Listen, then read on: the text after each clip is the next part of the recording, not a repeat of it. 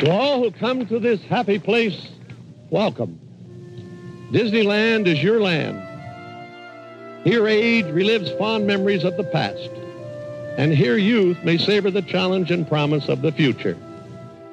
Disneyland is dedicated to the ideals, the dreams, and the hard facts that have created America, with the hope that it will be a source of joy and inspiration to all the world.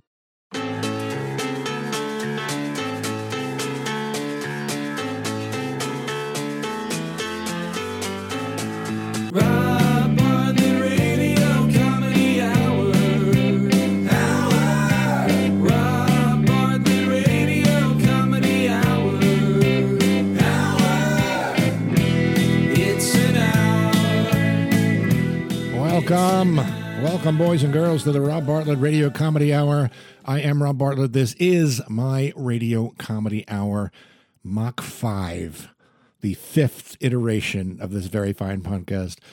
48 episodes. We're now in its fifth iteration. We've adapted, we've changed. We began almost a year ago. We debuted with a live streaming hour long broadcast on a stage with a live studio audience and an amazing cast. Uh, we had guests, we had uh, bands. And then we began a weekly radio broadcast. We stopped doing it live on the stage and we had a show, our own show on 77 WABC AM with the same cast, weekly radio show. And because the people at WABC and their digital entity OG Podcast are a bunch of low rent, bullshit, phony, disloyal, two faced scumbags, we are now on Libsyn Podcasts and currently experimenting with a daily format by myself, coming to you from my kitchen. You are a sad, strange little man, and you have my pity. I can't say enough bad things about WABC and the OG Podcast Network and just about everybody there, except for Leslie Sunder. She remains one of the best people on the planet. She's the promotions director, but just about everybody else. Yeah, I mean, there's one or two on air people, a producer or two, you know, Guns, the two Mats. This was once one of the great radio stations in history. It's the place where cousin Brucie he he brought the Beatles to New York on WABC AM, and now it's um it's a fucking train wreck where the programming on the weekends is I shit you not, foot care doctors. It's not every day you see a horse with two rear ends. WABC is owned by Cumulus Broadcasting. They also own Nash FM and WPLJ, the country station and the top 40 station in the New York market. And Mary Berner, who is the president and CEO of Cumulus, and with all her genius corporate speak, motivational philosophies, and her stupid fucking husky dog mascot, she single handedly destroyed all three stations. See all the trouble you've started? Really, I didn't think that. Ah, but that's the point. If you don't think, you shouldn't talk. tomorrow, May 31st, WPLJ goes off the air for good. It was only off the air once in almost 50 years, and that was the 15 minutes of silence that Yoko asked for after John was murdered. Nash FM is going to be replaced by a Christian station. I don't know when that happens. And then, if there's a God, everybody at WABC will be looking for work in a couple of months, except for Leslie Slender, of course, who can work anywhere she wants because she's that good at what she does and, and a great person. When the chips are down, you learn who your friends are. And Leslie was the only one in that whole operation who I can say is, was, and always will be a friend. I hate to start the program off with such ugliness, boys and girls, but I think it just had to be said. But we move on. I'm surrounded by idiots. It's one more thing about WABC. They used to be owned by Disney. And if they still were owned by Disney, it would be stronger than ever. Disney knows how to do shit. Uh, Disney should should rule the world and they're on their way to doing it. You can only wonder what that anti-Semitic, racist, homophobic, frozen, severed head Walt Disney would think if he saw what his little dynasty has become from a little black and white cartoon of a mouse driving a boat to a hundred and thirty billion dollar empire. Disneyland, Disney World, Hong Kong Disney, Disneyland Paris, Tokyo Disney, Disney Cruise Line, Disney Streaming Service, Disney Movie Studio. I mean, between Avengers Endgame, Toy Story 4, Aladdin and the Lion King, this summer, Disney Studios is going to blow the previous summer blockbuster box office record out of the water. I predict between five and six billion dollars, maybe more. And that doesn't count the Frozen sequel, which is going to be released in the fall, or the Star Wars final episode in the trilogy, which comes out at Christmas. One of the things that Disney does and does so well is, besides marketing, the way they design shit, like especially in, the in the theme parks, every single attraction in Disney World. You wait online outside, you go to the attraction, and as you leave, you leave through what boys and girls the gift shop. So you can get a souvenir of whatever you've just done. You know, the Little Mermaid or the Tiki, whatever the fuck you've done in Disney, you can get a tchotchke on the way out. Disney merch kind of covers the gamut of items, not just clothing or or figures or or you know toys, anything like that. You say I have a list here of actual Disney pieces of merchandise, things that really do exist. I am not making this up, I swear to you. You start off with a Lilo and Stitch toilet paper holder and a Mickey Mouse toilet brush. Now, I mean, I know you can be a fan of Disney. I know people who are just like c- complete Disney addicts. They go twice a year. Their entire house is filled with all kinds of Disney shit. I don't think they would. Would they? I mean, do you, do you really want to use Mickey clean your toilet?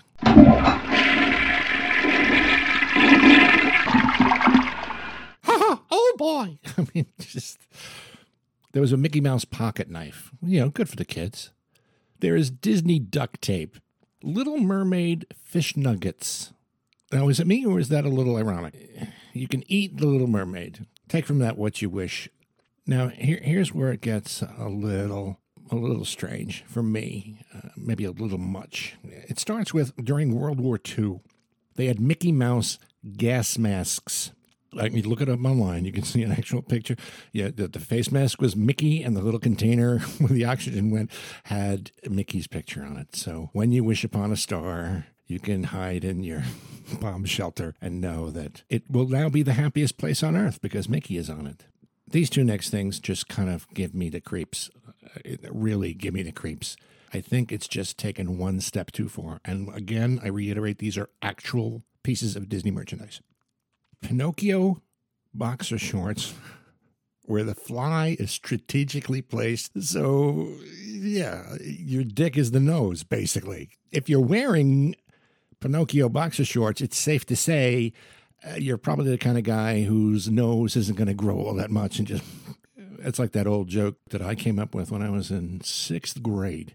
And since then, I've seen it stolen by a number of comedians. Snow White is sitting on Pinocchio's face, going, "Tell a lie, tell the truth, tell a lie, tell the truth." Sixth sixth grade. Well, here's here's the absolute pinnacle of of Disney merchandise. Reusable, because Disney's all about the environment. Reusable Disney sanitary pads.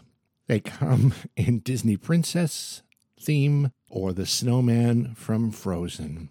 Now, I don't know who they're for. Young ladies who are first experiencing their menses and they're trying to make it less scary for them?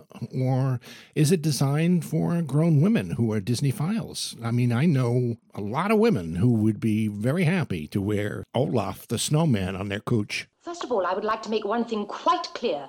Yes. I never explain anything. And again, I can't help but think, what would Uncle Walt think about that? I mean, if he knew that was going to happen, would he have done anything differently? If if you had it to do over again, would you do any part of it differently? Well, if I had it to do over again, uh, I think, uh, no, I don't think it would. Of course you wouldn't, you little Nazi. He gave a tour of Disneyland to a, a Nazi film director.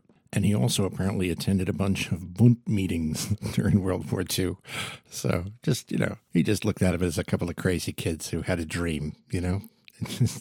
I'm thinking Mickey Mouse with a swastika armband and Goofy with a little tiny mustache. It just it boggles the mind. Anyway, yesterday Disneyland opened their newest land in something like 50 years. You know, they have Tomorrowland and Storyland and Wild West Land or whatever they call the lands there. They opened a Star Wars land. It's called Galaxy's Edge. And it's pretty big, almost its own theme park in size. And they've recreated an entire city Star Wars type city. It's it's not a city from the trilogy, but it's inspired by that. And all the shops and all the restaurants are involved in this city. It's a lot like I guess Universal's Harry Potter Land, which is pretty much its own park as well. The Star Wars thing is similar in that all the shops and the restaurants and all that are kind of uh, integrated into the city, and there's no signs on the doors. So you just kind of wander around. Now, in order to get a ticket, a Disneyland ticket that includes the new Star Wars land, you have to stay at a Disney hotel the night of or the night before the visit, at least at the moment. Day passes without a hotel reservation are going to be available after June 23rd,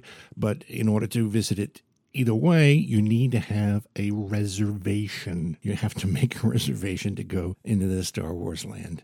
It does sound like it's got a lot of cool stuff in it, though. They have a, you can actually pilot the Millennium Falcon. They have a, a, a ride which puts you in a battle with the, the walkers, you know, in a snow world, whatever. It sounds really cool, but, you know, you're going to wait. You're going to wait to get in, and then you're going to wait online for hours to get on any of that stuff. So I think I'm going to wait until the crowds die down. You know, like another, I don't know, 10, 15 years maybe. Now, of course, we couldn't do a uh, an episode uh, with a Disney theme without hearing from one of our old good friends back from the Imus in the Morning days. He was created, I guess, by Disney to try to appeal to the younger, streetwise youth. So please welcome Gangsta Mickey. Hi-ho, hi-ho, it's home from work we go. Yo, what up, player? Rolling from the Magic Kingdom, here come the original OG, Mickey M to the O to the Had a date the other night, that little snow hole from Frozen. I promised her I'd take her to the advanced VIP opening of the Star Wars joint, cause, you know, Eminem got the hookup. At least that's what she thinking, but she don't know I gotta wait online with everybody else, cause Disney is a socialist amusement park, gee. But word, that girl is bugging. I had that tasty little Teutonic tenderoni back up to my Disney hotel suite for a bottle of Cristal. Had my Pinocchio boxer shorts on. But when it come time to take her down for a trip to the candy shop, that girl ain't just cold. She frigid. Put up an ice wall, started snowing in the bathroom. I damn near got frostbite on my junk. But that Star Wars land is alright, dawg. And full of them Star Wars fans, you know, them crazy dudes that live and breathe the Skywalker, go to all the conventions and wait online for three weeks to see the movies. And although they predominantly dudes who still live in their mama's basement, there's a couple of bitches, uh, ain't exactly dime pieces, but a solid seven cent. And if you close your eyes, you can pretend you're laying there. I picked up this Luke Warmy. That's a Luke Skywalker fan that's a little less than a hottie. Took her behind Big Thunder Railroad, but the force ain't that strong in me, dog. I couldn't get past the fact that she looked like Chewbacca. My lightsaber wound up looking like a Ewoks 49311. I was gonna video it on my phone and post it on Instagram, but it would have wound up being a animated short. Oh boy! upon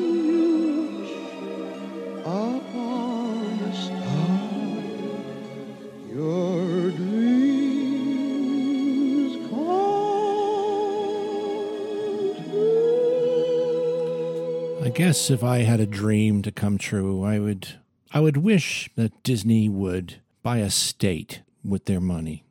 Would buy a state with all the money. You know, like pick a pretty empty state like like Wyoming. 97,000 square miles and there's, you know, not quite 600,000 people who live there. Plenty of open space to make an enormous theme park and just rename Wyoming to Disney.